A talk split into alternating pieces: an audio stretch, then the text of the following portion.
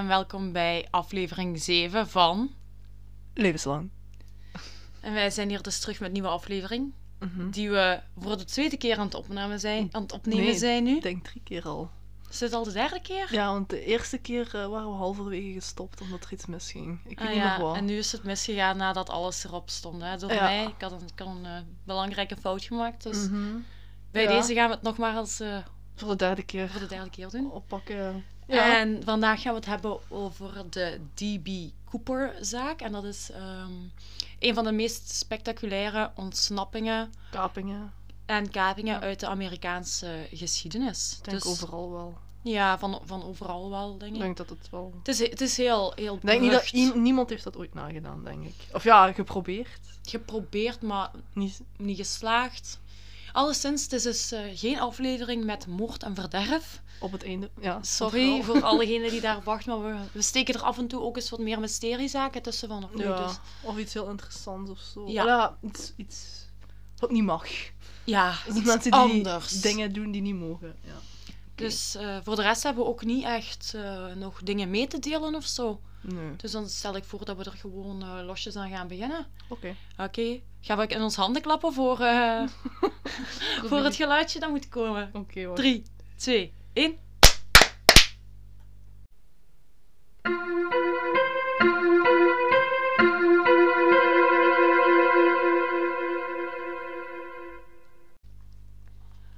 Ons verhaal begint op Thanksgiving Eve op de dag van 24 november 1971 in Amerika. We zijn op het Portland International Airport en naar de balie van Northwest Orient Airlines komt een man van middelbare leeftijd afgestapt met een witte aktentas die zichzelf identificeert als Dan Cooper. En hij gebruikte cash om een heenticket te kopen voor Flight 305, dat was een vlucht van 30 minuutjes naar Seattle Tacoma International Airport. Dus hij koopt alleen een heenticket en gaat. En eh, daarop stapt eh, Dan Cooper dus in de Boeing 72700 Mhm. als je het zo uitspreekt. En hij bestelde bourbon, wat een soort whisky is, en frisdrank. Ja. Zat. En getuigen die verklaarden dat hij eruit zag als een man van ongeveer midden 40. Hij droeg een bedrijfskostuum met een zwarte stropdas, een wit t-shirt en dan had hem die witte aktentas. Ja. Verder werd hem ook nog beschreven als iemand met een iets donkerdere huidskleur. Dus Ja, dat is hoe dat onze Dan Cooper er zo uit. eruit zag. En het vliegtuig, Flight 305, 305, was maar voor een derde gevuld. Dus daardoor kon ze ook perfect op schema vertrekken om tien voor drie middags lokale tijd daar. Ja. En dat vertrek gaat goed, dat gebeurt niks. Maar kort na vertrek geeft onze Dan Cooper een, een klein briefje af aan Florence Schaefer. En zij is een van de stewardessen en zij zat op een jumpseat aan de deur van het vliegtuig. Dat zijn die Met de rug naar met de rug naar de muur. muur Ja. toe. Ja. muur. En zij pakt het aan, maar eigenlijk zonder te kijken stak ze dat weg in haar handtas, omdat ze zoiets had van... Dit is terug een eenzame zakenman die gewoon contact wil met een vrouw en eh, daar doe ik niet aan mee. Dus Florence stak dat in haar handtas. En toen ze dat deed, toen leunde onze Cooper naar haar toe en hij zei, ik quote... Mevrouw, je kan best even naar het briefje kijken. Ik heb een bom bij. Ja, dat is iets anders dan een telefoonnummer. Hè. Ja. Wat dat er exact op het briefje stond, dat is niet bekend, want eh, onze Cooper... Ik zeg altijd onze Cooper, dat is zo, dat is dan onze. Eh, Cooper die heeft dat teruggevraagd. Ik denk misschien eventueel voor bewijsmateriaal Ja. of zo. Al sinds eh, het komt terug bij hem. Het enige wat dat de vrouw haar nog kon herinneren, was dat er iets in stond over een bom en dat ze naast hem moest gaan zitten in het vliegtuig. Ja. Dus dat deed ze. En ze zat naast hem en toen heeft ze heel stilletjes aan hem gevraagd waar de bom was. Waarop dat Cooper zijn witte aktentas opende, zodat ze even kon kijken en ze dacht dynamiet te zien. Want het waren acht rode cilinders in twee rijen van vier. En aan die cilinders was een kabel verbonden die op die beurt verbonden was aan een cilindervormige batterij. Volgens mij was het nep. Als je het zo vertelt, denk ik dat het nep is.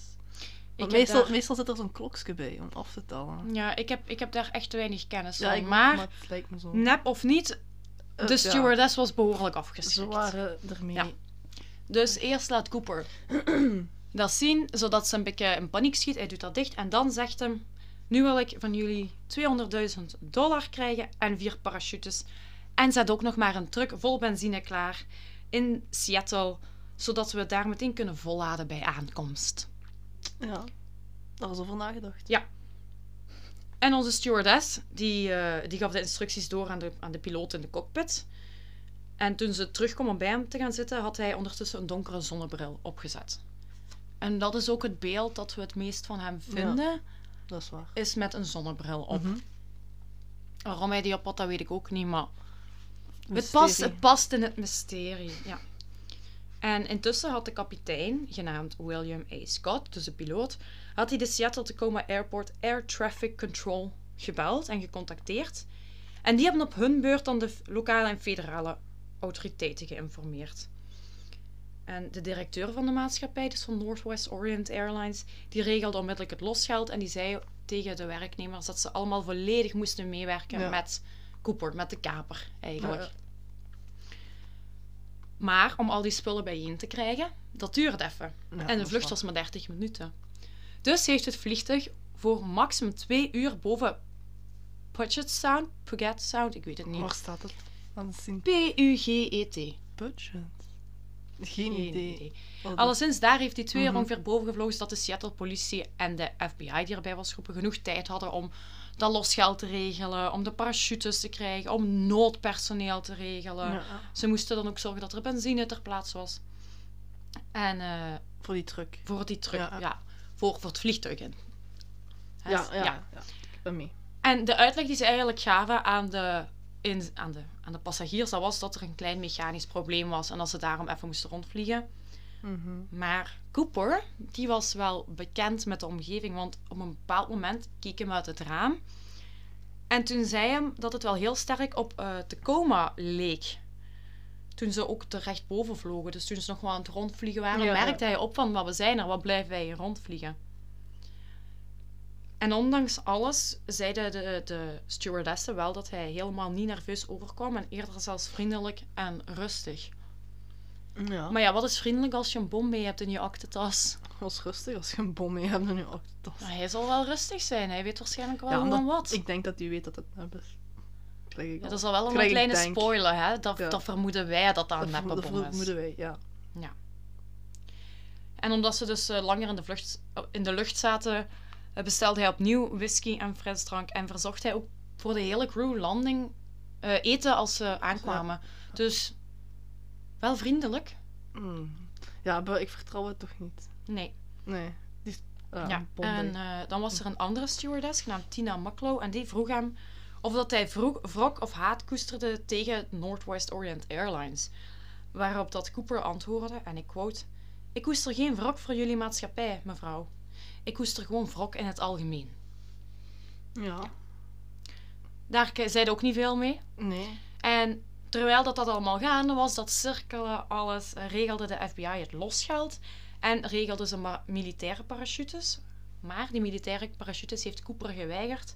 Hij wou namelijk vier gewone parachutes hebben. En die hebben ze uiteindelijk gevonden bij een lokale skydive school. Dus hij wou geen militaire parachutes. Als we iemand hebben die, die skydive of zo, kunnen jullie ons het verschil uitleggen tussen militaire en tussen haakjes gewone parachutes? hobbyparachute. Ja, ja, zo er zal wel een groot verschil in zitten, maar ik ken er niks van. Ik ook niet. En dan om 17 uur 24 lokale tijd wordt Cooper geïnformeerd dat al zijn verzoeken zijn ingewilligd. En een kwartier later, om 17 uur 39, landt het vliegtuig op Seattle Tacoma Airport in de gietende regen. Ja. Dus het was ook nog eens heel slecht weer. En Cooper die gaf eh, onze Scott, dus de kapitein van het vliegtuig, de instructies om het vliegtuig naar een geïsoleerd en fel verlicht platform te brengen. En om alle gordijnen omlaag te doen in de cockpit, zodat ze snipers konden afweren. Oké, ja. Ja, die zal ook wel weten dat er ondertussen Ja. een hele eenheid is opgeroepen geweest. En natuurlijk. hij was eigenlijk op, op alles wel wat voorbereid. ja, Ja. toch wel. En de operatiemanager van de maatschappij die bracht het losgeld in een knapzak. En het losgeld dat was als heel spe- specifiek van een bank gehaald en echt gekeken naar de, de nummers die daarop stonden. Dat ze wel precies wisten welk geld hij had gekregen. En hij bracht daarbij ook de parachutes naar het vliegtuig. Die hij aan eh, de stewardess Mucklow gaf. Zo via de trappen, zodat zij dat dan kon geven Ja. aan hem. En pas toen dit allemaal in orde was, liet Cooper het eigenlijk toe dat alle reizigers, Schaffner, dus de eerste stewardess, en Alice Hancock, die een senior stewardess was, die kregen toen pas eigenlijk het ding van je mocht het vliegtuig verlaten. Dus nadat hij als had gekregen, Ja. mocht merendeel Gewoon eraf. Ook ja. zonder geen gewonden of niks. Die, Ja, die waren eraf.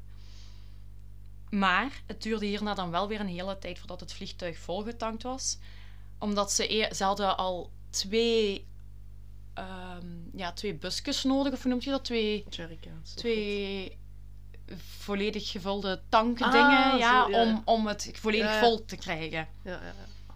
Ja, en hij, hij werd heel ongeduldig en hij zei ook van dat het normaal ook zo lang niet moest duren. En toen het nog wel langer duurde, gaf hij terug een briefje af aan eh, de crew die in de cockpit zat, waarop stond, ik quote opnieuw, Let's get the show on the road. Ja. En eenmaal dat het vliegtuig dus volledig volgetankt was als in orde, gaf Cooper vlieginstructies aan de cockpit. En die waren dat ze in zuidoostelijke richting moesten vliegen, richting Mexico City, tegen de minimale snelheid van 185 km per uur en op een maximum van 3000 meter hoogte. Ja. Specifiek. En hij gaf ook nog verdere instructies, zoals eh, de hoek waarin de, de vleugels moesten staan van het vliegtuig. Ja, Waaruit dan ook bleek dat hij best wel veel van vliegtuigen af wist. Ze Ja, ja. wisten niet wie hij was of wat, maar gewoon hij had veel kennis. ja. had. Maar door die specifieke instructies moesten ze halverwege eigenlijk terug opnieuw bijtanken, omdat ja, het waarschijnlijk zo traag was en zo laag dat dat, dat toch extra invloed zal hebben gehad. En dit deed ze na goedkeuring van Cooper op het Reno Tahoe International Airport. Mhm. En rond 20 voor 8 s'avonds lokale tijd vertrok het vliegtuig opnieuw met nu alleen nog Mucklow, dus die tweede stewardess, Ja. Scott, de hoofdpiloot, en de eerste officier genaamd Rataksak. Echt? Ja, Wat Ra- Ra- Rataksak. Ra- Ra- ja, zoiets. grappige naam. Ja. En daarnaast was er ook nog een boordwerktuigkundige Harold E. Anderson aanwezig. Dus nu Mhm. was ook Schaffner van het Ja, ja. Het vlieg- ja, daar werd ook weer een deel van de crew eruit gelaten. En dus ze stegen terug op rond 20 voor 8. En deze keer werden ze gevolgd door twee F6, twee F-106 was het? Twee, een F-106. Hmm. Ja.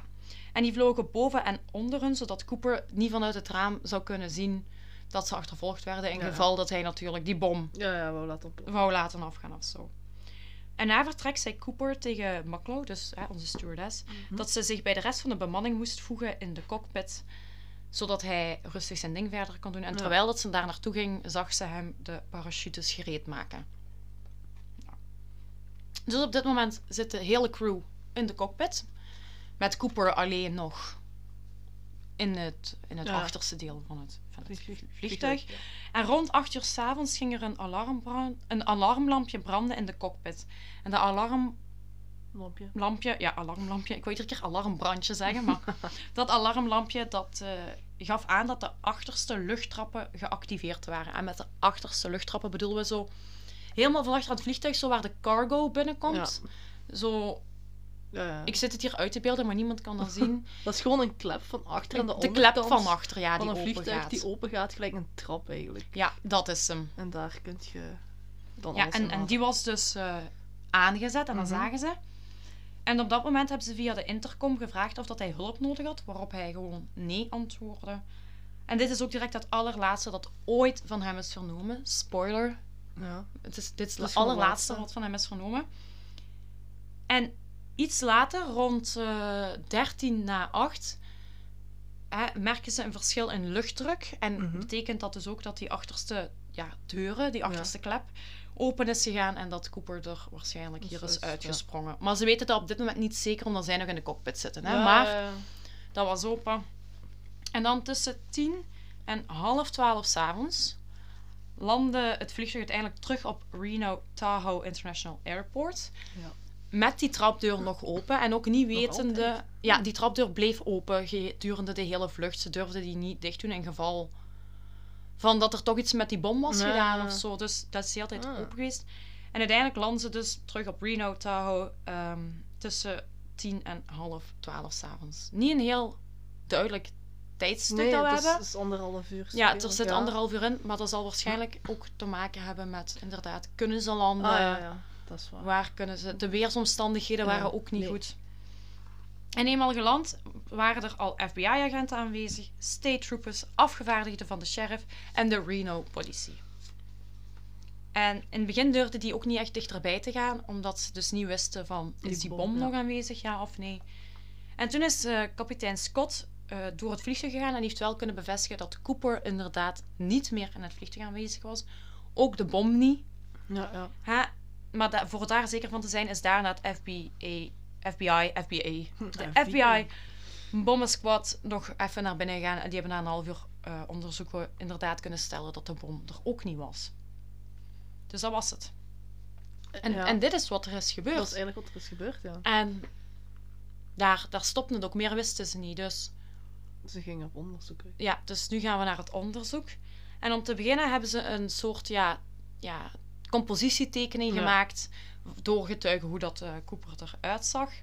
En vonden ze ook 66 ongeïdentificeerde vingerafdrukken bij de achterste klep daar. Ja. En hebben ze ook zijn zwarte clip-on stropdas gevonden.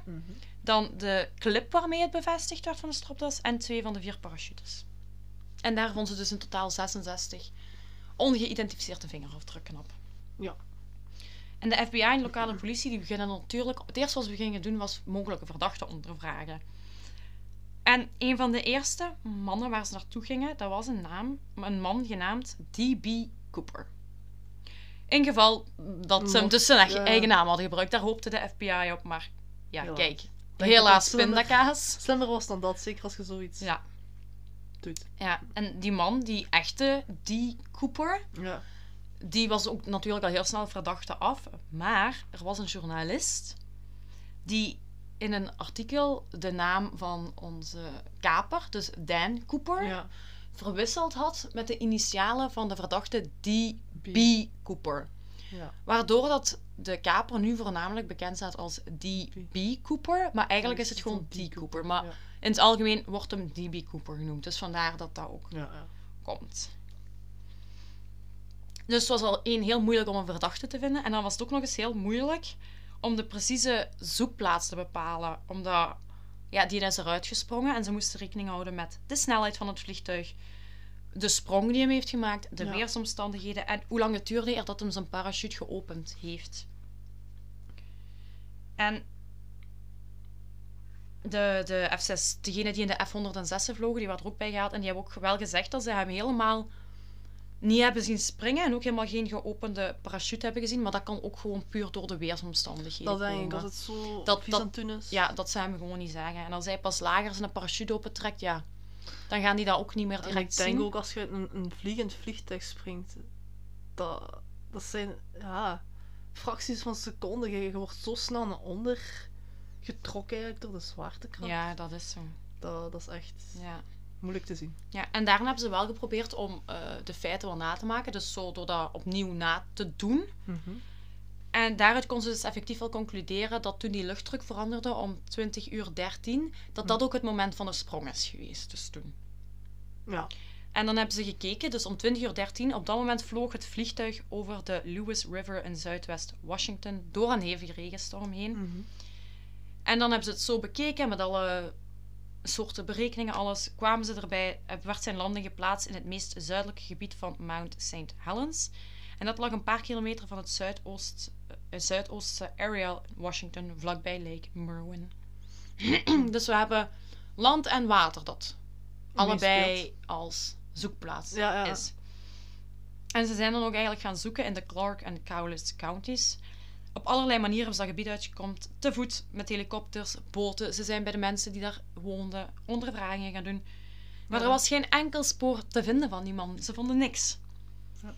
En naderhand werd er dan ook nog eens in de lucht gezocht naar afgebroken takken of delen van parachutes die misschien in bomen waren terechtgekomen. Maar ook daar vonden ze helemaal niks.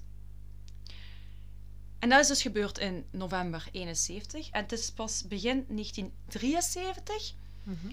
Dat ze eigenlijk opnieuw een hele, hele grote zoekactie gaan opzetten. Ze gebruiken deze keer duikboten, personeel. Het wordt nog eens allemaal te voet gedaan. In de lucht, vrijwilligers die ook komen helpen. Ja. En ze doorzochten in maart en april van 1973 dat gebied nog eens. Dus ze hebben dan nog twee keer onderzocht. Maar ook hier werd niks Ja. gevonden. En met, ik wil nu zeggen niks tussen haakjes, want wat hebben ze daar wel toen gevonden? De overblijfselen van de vermoorde Barbara Ann Derry, die ehm, een slachtoffer was van een, een moordenaar in die buurt. Dus om nu te zeggen dat ze niks hebben gevonden Dat is klein, weer- maar niks dat met Ja, Cooper te maken heeft. Ja. te maken heeft, ja. En een maand na de kaping, dus dit is wel terug, maar hè, terug naar eh 71, had, Ja.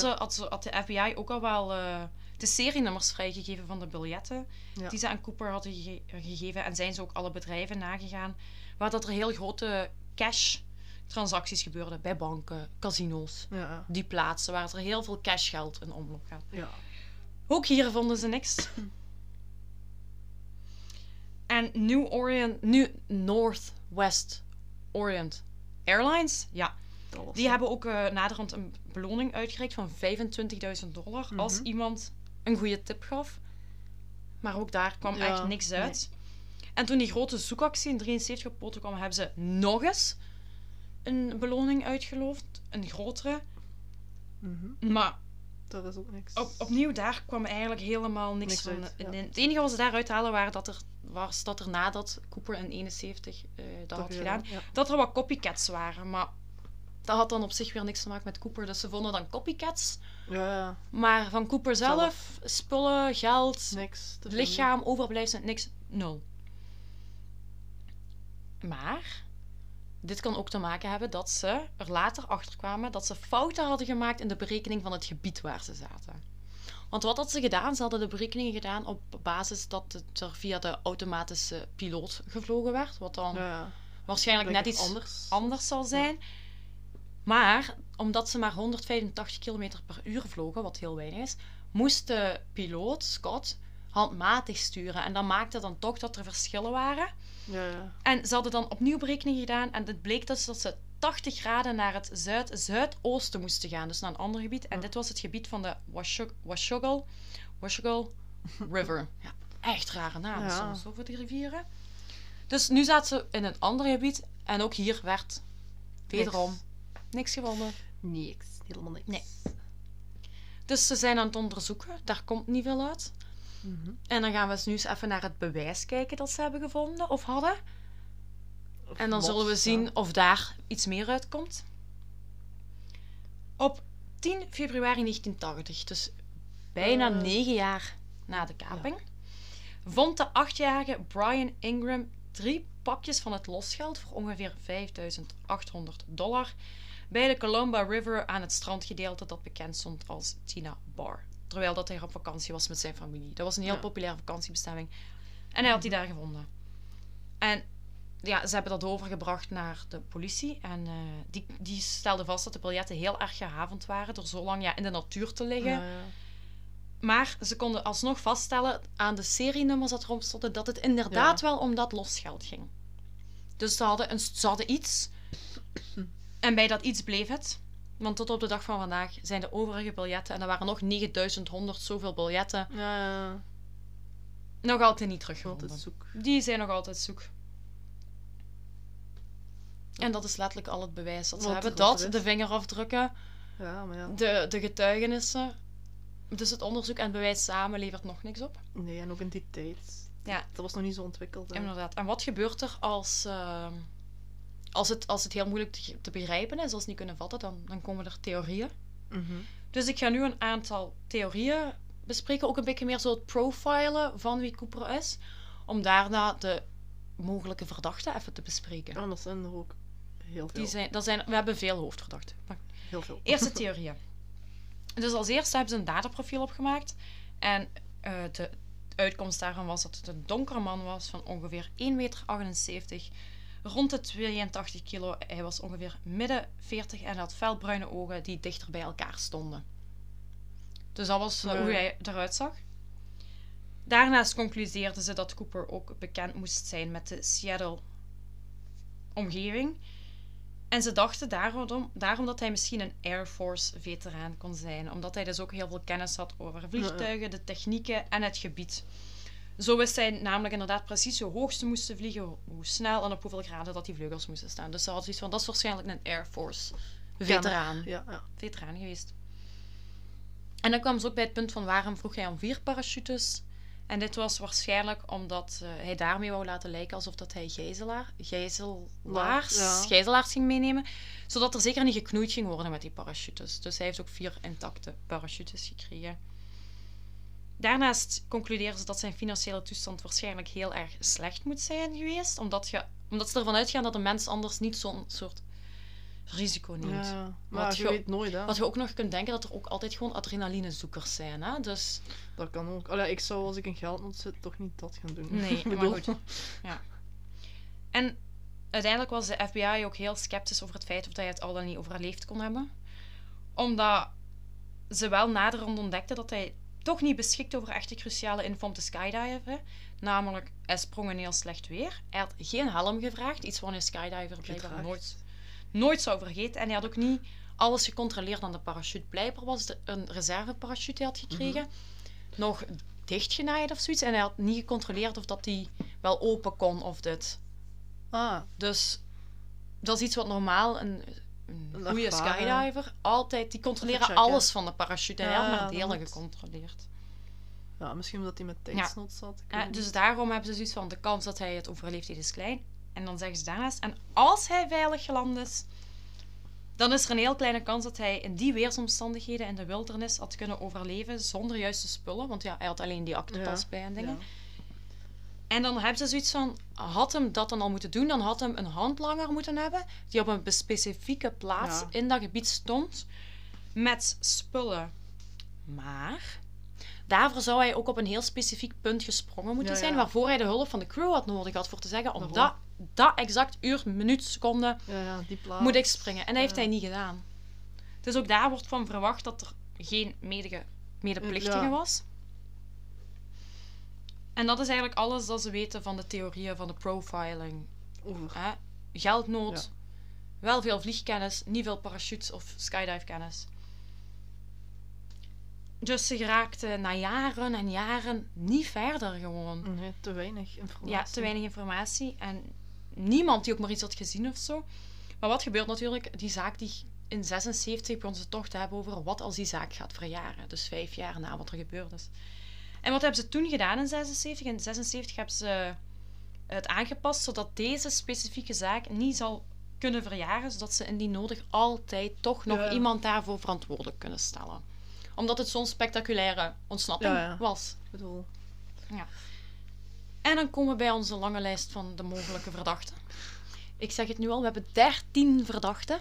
van de zoveel. Van de zoveel, dit zijn de 13 meest Die komt meest in de buurt. plausibele.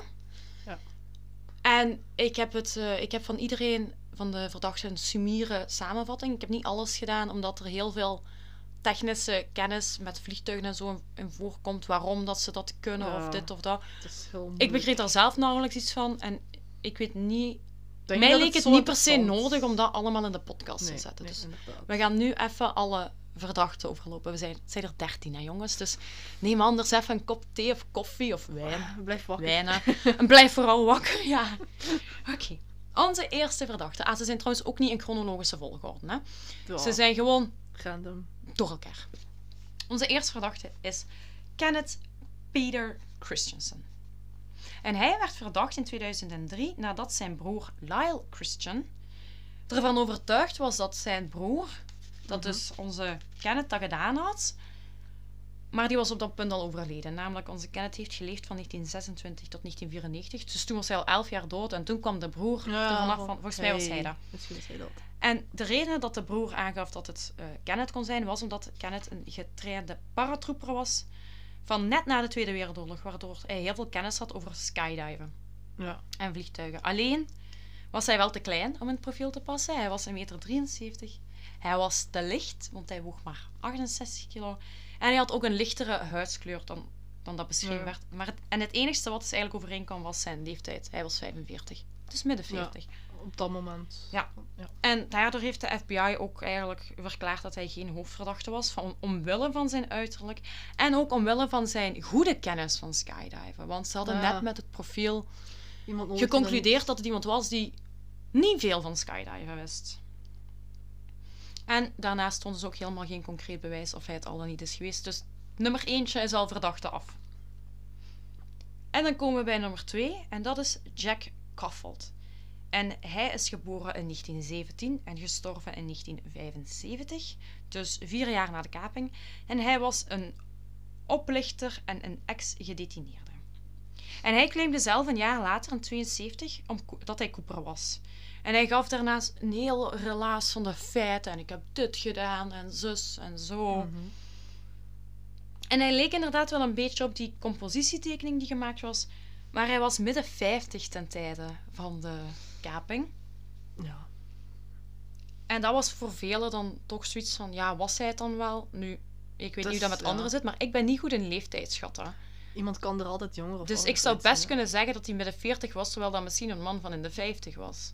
Ja, het is, het is een, eigenlijk is het een Ja. klein verschil. Beetje verwaarloosbaar. En hierna concludeerde de FBI dat de details van zijn verhaal niet strookten met wat er werkelijk gebeurd was. En dat hij dat dus allemaal verzonnen had voor Ja. aandacht. Dus verdachte 2 Dus ook. ook weg. En dan hebben we verdachte 3. En dat is Lynn Doyle Cooper. Dus wel met de Cooper achternaam. Misschien vandaar. En hij was geboren in 1931 en gestorven in 1999. En hij was een leerlooier en een veteraan van de Koreaanse oorlog. En pas in 2011 heeft zijn nicht, Marla Cooper, dus ook alweer 11 jaar na zijn dood, Ja.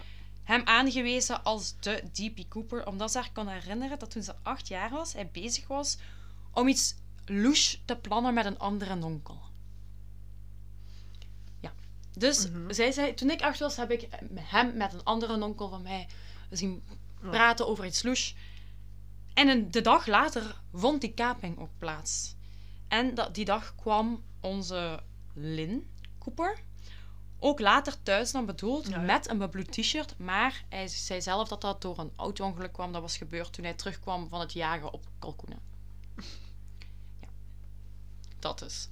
Maar goed, eh, elf jaar na zijn dood gaat onze Marla zeggen, hij was het.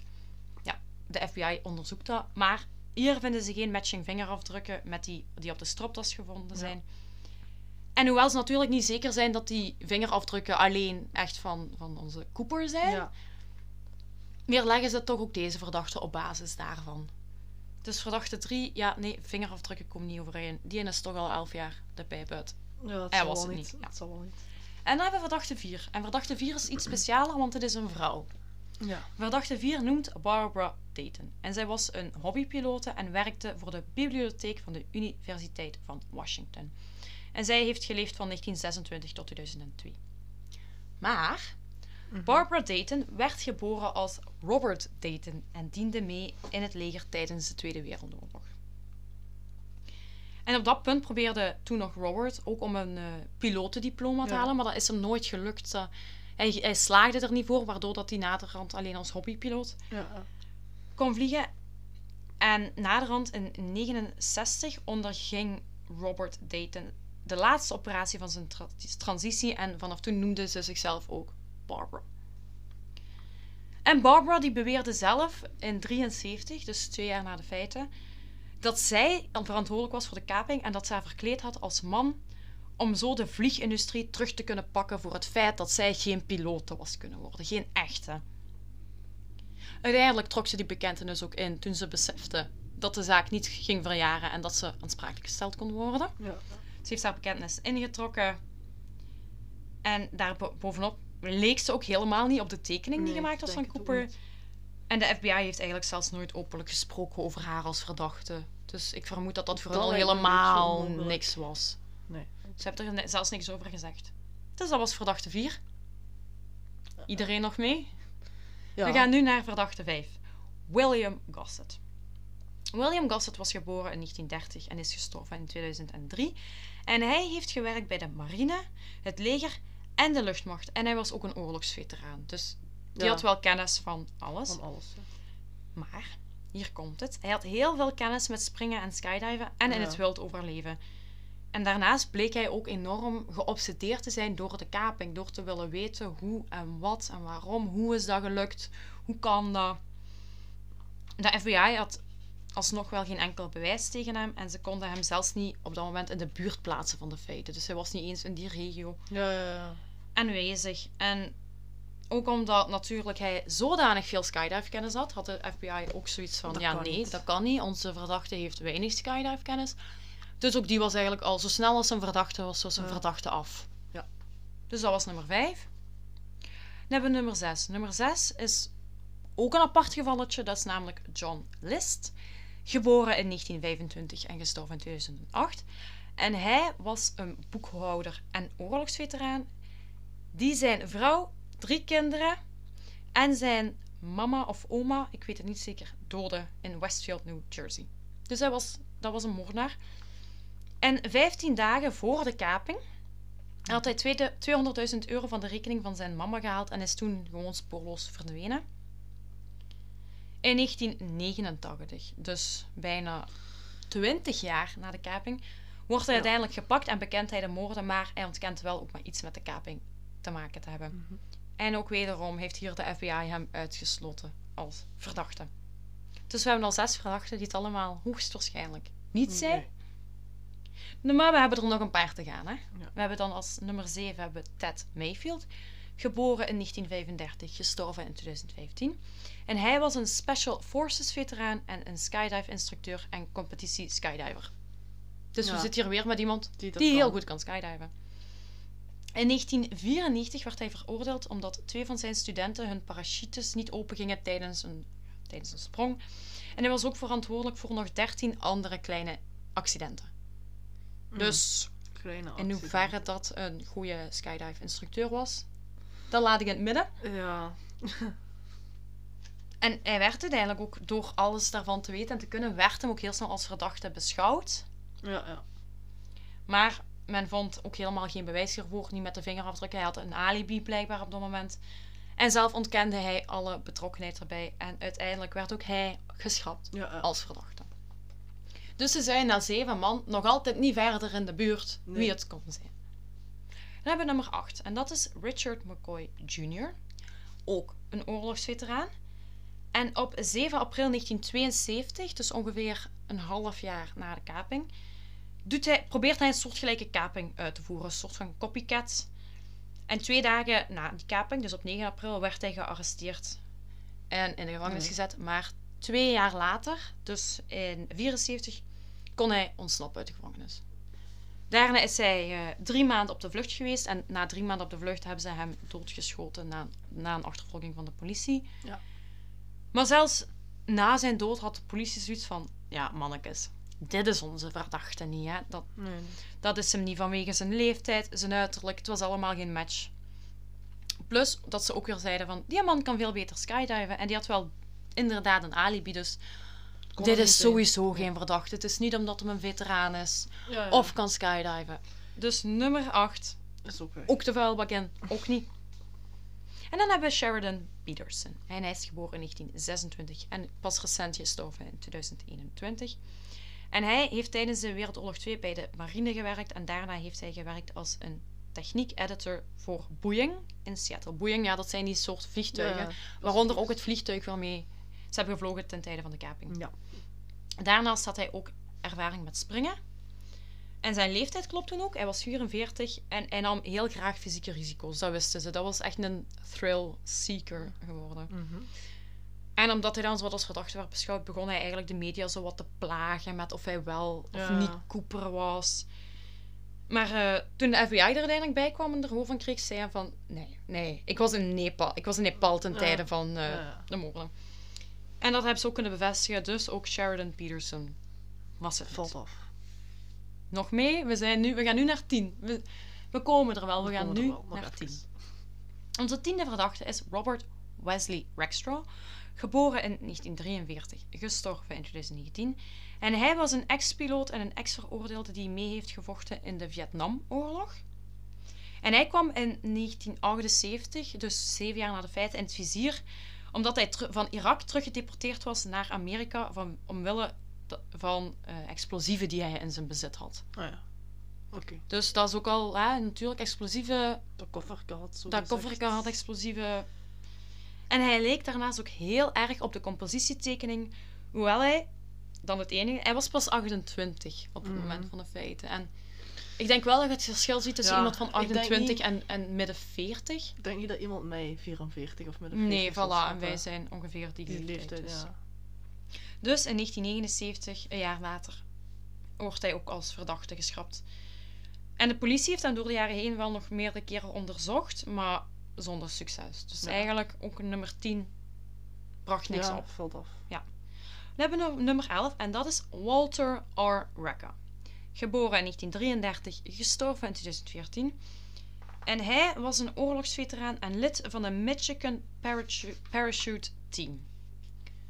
En deze man had meerdere familieleden die zeiden van... Dat is hem, dat is de kaper, die heeft dat gedaan. Maar, wederom had deze man te veel goede skydive-kennis... En kwamen zijn verhaal ook helemaal niet in overeenstemming met, met de vermeende feiten die er waren. Dus dat was ook gewoon niet waar.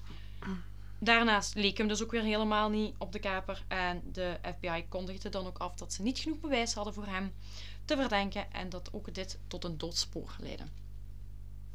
Al elf Ja. mensen gehad met allemaal een soortgelijk profiel. De meeste zijn oorlogsveteranen en nog altijd niks.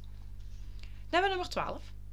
William J. Smith. Geboren in 1928 en gestorven in 2018. En hij was een New Jersey oorlogsveteraan die daarna is gaan werken bij de spoorwegen. Maar in 1970 werd hij getroffen door het faillissement van de transportsector. Waardoor hij natuurlijk heel veel ja, echt in geldnood kwam. Hij verloor heel veel geld, kwam in geldnood, waardoor hij dan ook als verdachte werd gezien. Want ja, Mhm. net geen twee jaar later vindt de kaping plaats. Maar hierop heeft de FBI dan gezegd dat ze helemaal geen com- commentaar konden geven en dat ook hier niks uitkwam. Ja. Het is nog altijd niks. Dan gaan we naar onze laatste verdachte. Dwayne, Dwayne, Dwayne L. Weber. Geboren in 1924, gestorven in 1995. Goed jaar, 95. Ja. Goed jaar. Ja. En hij was ook een oorlogsveteraan en hij had meerdere keren in de cel gezeten voor diefstal en het vervalsen van schriften, geld, ik weet het niet, voor vervalsing. Fraudepleging. Ja. En hij zou blijkbaar op zijn sterfbed in 1995 bekend hebben dat hij de kaper was. Maar in 1998, drie jaar na zijn dood, e- elimineerde de FBI ook hem als verdachte toen er geen match kwam met de Ja. gevonden vingerafdrukken. En dit waren Alle verdachten. de alle ja. hoofdverdachten. Zo ja. Want alle andere verdachten die ze hadden, daar kwam dan al helemaal Nee. niks uit. En dit was het ook. Hier wisten ze... Dat is het einde verhaal. Is einde verhaal. Ehm, er is wel nog een, iets wel gebeurd in de vliegsector na de Ja. kaping. Namelijk, vanaf begin 73, dus iets meer dan een jaar na de kaping, verzocht de FAA om reizigers hun bagage te laten controleren op wapens en explosieven. En daar kwam heel veel commentaar op van de privacy voor mensen. Ja. Terwijl nu tegenwoordig kijken ze ook voor Ja, andere dingen in uw tas. Maar er werd dan duidelijk gezegd van oké, het mag als het echt alleen met de bedoeling is om te kijken naar explosieven en wapens. En wapens. Dus als iemand daar een pakje kook bij heeft, Eh, dat, die mag gewoon doen. hou maar jongens. Je hebt geen dynamiet mee, hou maar. Doe maar. Ja, ik weet Maakt niet uit. Dat stel ik er mij zo bij voor. Maar stel je voor. Dus dat was een van de dingen dat veranderde. En een ander ding dat veranderde, dat was dat er aan de vliegtuigen zelf een soort Cooper vane werd geplaatst, werd Ja. dat genoemd. En dat is een soort metalen extra uitstoopsel dat ervoor zorgt dat je de achterste cargo-trappen niet kunt open doen terwijl dat je in de lucht Ja. hangt. Terwijl dat je aan het vliegen bent. Dus dat is een systeem. Dus dan kan ook niemand via die manier springen. En via de zijdeuren zou ik ook niet springen, want dan vliegt de hele Ja, die, met die truck. de, alle reizigers naar buiten. Dus die trekt alles naar buiten, ja. En wat er ook nog werd gedaan, was dat er kijkgaatjes werden gezet in de deuren van de cockpit, zodat ze, de crew niet per se de deuren moest openen om hun passagiers in de gaten te kunnen Ja. houden, voor meer veiligheid te creëren voor hen. Ja. Dus dat zijn drie grote dingen die veranderd zijn sinds de kaping in 1971. Flash forward naar vandaag de dag. Er wordt niet meer gezocht naar Cooper. Want in Mhm. 2016 maakte de FBI bekend dat ze de zoektocht gingen stopzetten, omdat ze hun mensen beter op andere zaken konden zetten waar dat meer ja, aandacht. aandacht naar ging. Dus Ja. Er is nooit meer iets vernomen van Cooper na de keer dat hij gewoon nee heeft gezegd door de intercom. En eh, ja, daarom blijft het tot op de dag van vandaag onopgelost. een, een on- onopgeloste spectaculaire ontsnapping. Meer dan 9000 biljetten zijn nog zoek. Voor dat geld, ja. Het lichaam is nooit gevonden. Er is nooit iets van resten teruggevonden van zijn kleren, spullen, bom, parachute. Dus alles ligt nog open. Tot op de Ja, dag van vandaag blijft het Een onopgeloste zaak. iets onopgelost en iets waar heel veel mensen toch wel nog door geprikkeld raken. En Ja. ik denk dat het ook daarom is dat, dat jij had, dat, had de Mhm. zaak voorgesteld, Ja, want ik kende hem niet. Maar ik ben blij dat we hem gedaan hebben, want Mhm. ik denk wel dat daardoor... Ja, het blijft mensen prikkelen voor wat het is. En Ja, gewoon omdat er geen antwoord is. Omdat er geen antwoord zijn en dan maakt het Mensen gewoon... willen gewoon graag antwoorden. Mensen willen antwoorden. Dus, eh, maar ja, bij deze. Dus dat was de aflevering met D.P. Cooper. Mhm. Nog even, schat. Ja, Wat is uw theorie? hij is dood. Sowieso. Hij, is, ah ja, het- hij zal wel dood zijn, denk ik, omdat het nu al zo lang geleden is. Maar Ja, ja waarschijnlijk. ehm, gewoon die, die sprong. Weg, Ja, ik- mijn en, theorie luidt ook dat hij die sprong niet overleefd heeft. En in de wildernis, daar zijn beesten, daar is van alles. en ook gewoon, het was slecht weer. Ik neem Ja. ook aan, als je uit een vliegtuig springt van hoeveel? Was het drie kilometer hoogte? Ja. Ja, weet je, dat is zo koud daarboven. Mhm. Volgens mij bevriest je al eer dat je onder Want hij had ook gewoon was een kostuum Ja, ja aan. daarom. hè? Het, eh, met, als je gaat parachute springen of eender, wat dan heb je speciale kleding aan. Dat had hij niet. Allee, ja, niet dat ze weten of dat wij weten. Ja, maar als- ik veronderstel van niet. Dus volgens mij is hij gewoon. eh, ja, Ja, inderdaad. hij leeft niet meer. Ja, ik, ik sluit me daarbij aan. Dat is ook wat ik vermoed. Ehm, als jullie andere theorieën hebben, de Mhm. luisteraars, laat ons zeker weten. Ja. Want hier ben ik weer. Maar jullie kunnen ons contacteren op Instagram. Dat is levenslangpodcast. Op Facebook onder levenslang. En jullie kunnen ook altijd een mail sturen naar levenslangpodcast.gmail.com.